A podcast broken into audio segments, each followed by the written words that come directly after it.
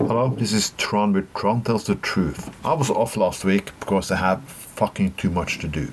Well, back in my fucking normal mood, I'm gonna talk about this suicide. Have you ever heard about people talking about suicide? How they talk about suicide? Like, yeah, it's a difficult subject. That's why I'm gonna talk about it. One thing I often hear people say is like, oh, you're a coward. It's the easy way out. It's a cowardness yes, it's not being coward to take the suicide. And what does it fucking help to say you're a fucking coward? Oh shit, they think I'm a coward, then I'm not gonna take suicide? What the fuck? What stupid bullshit is that? There's no logic whatsoever. One thing I can talk about uh, and understand is think about the people you leave behind.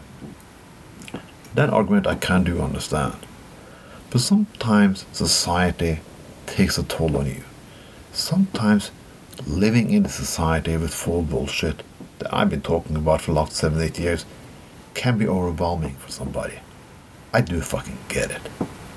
I get it all the time. Sometimes my mind isn't right either.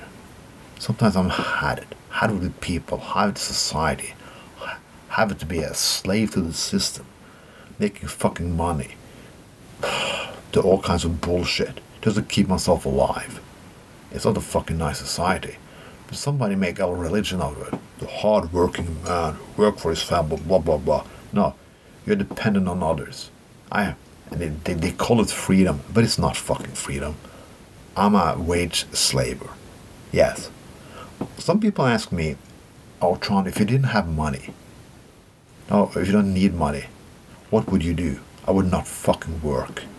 I would do something reasonable. But then the rich or elite class have made a new rule. If you have too much money, you should not give it away.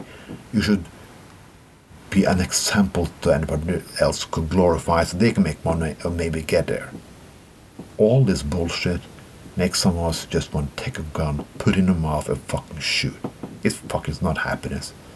It's not a healthy way of living. It's definitely not how Jesus wanted us to live. But Christian conservatives doesn't give a fuck about that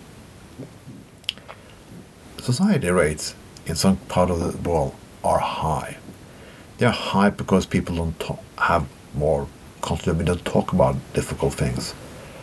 But we also in society, we really don't talk about difficult things. Even you, you think about it on Facebook. Somebody talk about suicide. 20,000 hearts. Oh, I'm so fucking flattered. No, I'm not. Because people are suffering. They will always be suffering, even when the spotlight is off them. And they go on to the next people they should care about. When people care about somebody, they are usually more uh, thinking about how much people will look at them as big solidarity persons. Like, oh, look at me, I care about somebody.